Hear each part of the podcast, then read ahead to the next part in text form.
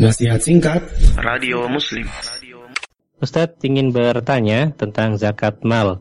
Bolehkah Ustadz ke, dikeluarkan belum satu tahun dan diberikan kepada orang-orang yang saat ini sedang membutuhkan karena terdampak dari wabah corona ini Ustadz?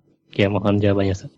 Terkait uh, takjil menyegerakan pembayaran zakatul mal, maka asalkan sudah sampai nisab namun belum haul, maka boleh disegerakan. Ya, yang tidak boleh dalam zakatul mal adalah menunda pembayaran. Jatuh temponya misalnya 20 Syakban, ah nanti nunggu uh, satu atau dua Ramadan, nah, ini tidak boleh. Tapi kalau jatuh temponya itu bulan Muharram, terus dibayarkan sekarang di bulan Syakban, maka tidak mengapa.